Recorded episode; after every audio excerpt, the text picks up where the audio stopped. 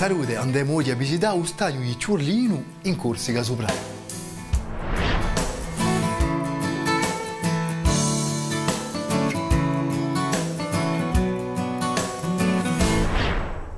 Stagni in Antepia e corse ce n'è parecchi, ma il più grande è quello di Ciurlino, in Biguglia, cui sono 1450 ettari di superficie. Situato a un mezzogiorno di Ostia, nanta quattro comuni, Furiani, Biguglia, Uorgo e Luciana, un stagno si stende nanta una parte di Amarana, tra mare Tirregno e montagna. Lo stagno è spiccato da un mare da una onda di rena chiamata Banda Bianca. Dopo la geografia parliamo un po' di storia. L'agricoltura e la pesca sono attività praticate da poi parecchi secoli, Nantu e in giro stagno. Dopo essere stato proprietà di Genova dal XV secolo al XVIII secolo, lo stagno sarà concesso al cavaliere Buttafuoco che vendia la famiglia viale di Ostia. C'è la ramintà che Ciorlino è un luogo che c'è bursuto a Risanà prima che l'uomo si possino a Rudiunà non esosponde, senza pericolo. Difatti, fino agli anni 50, un risico di chiappa o paludismo, chiamato di noi malaria, era sempre forte.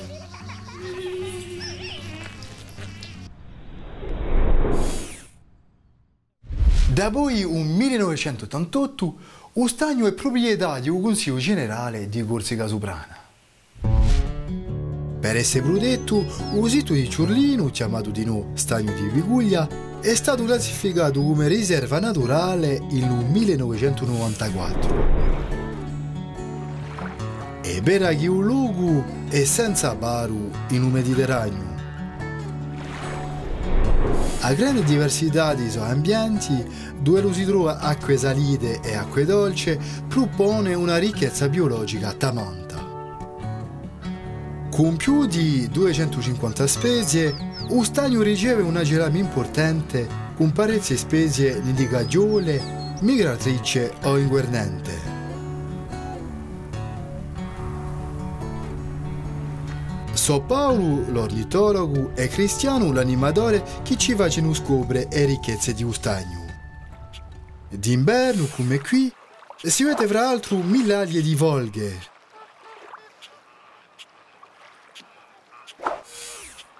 Qui un airone chiamato di no perdiglione. Qui si vedono i famosi fiamminghi rosuli. In taglio di stagno campano in vegetazione e i prati umidi una vele poche di specie come l'aironi bianchi o i mergoni.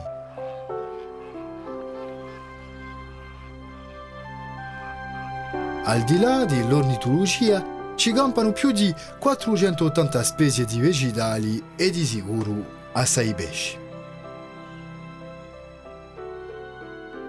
Anguille, mazzardi, ragnole, in un stagno di Giurlino si pesca da voi sempre.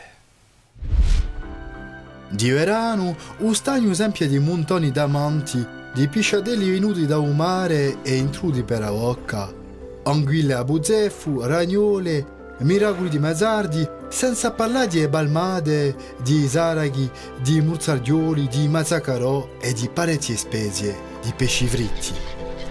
Sa descrizione di pesca in un stagno è stata scritta nel 1924 da un certo Pellegrin.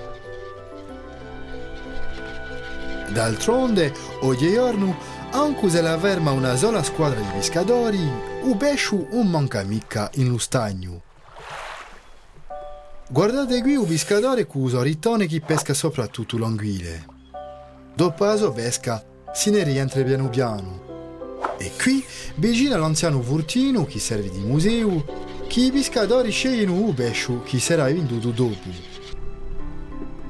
Potete d'altronde rimarcare le giri che s'appolano non tai ghile a costura che erano innanzi adoprate per pescare tempi fa. Da poi una trentina d'anni, il sito di Ciurlino è un luogo che s'urbanizza sempre di più. La crescita della popolazione ingena bisogni nuovi e attività che sono sviluppate da poco, la costruzione da di noi, di infrastrutture come le scuole, di stabilimenti turistici, non le campagne intorno allo stagno. Questa pressione demografica e economica minaccia lo spazio naturale, vegetale e animale di un stagno di Ciurlino. È dunque importantissimo di preservare il sito. Come non l'avevamo detto annanzi, tocca dunque a un dipartimento sua riserva naturale a gestisce, a proteggere di modo ecologico e patrimoniale la riserva naturale di un Lo scopo è agisce di modo durevole in un ambiente naturale delicato. Tocca all'uomo a imparare a rispettare e a preservare la buona salute dell'ambiente naturale. Per poter avere di nuovo la possibilità di vedere spettacoli così magnifici. Ramiendiamoci. Lo stagno di Ciurlino è il più grande di Corsica e ha la proprietà di un consiglio generale di Ugismonte. Stadio propone una ricchezza biologica senza baru in Corsica. A presto.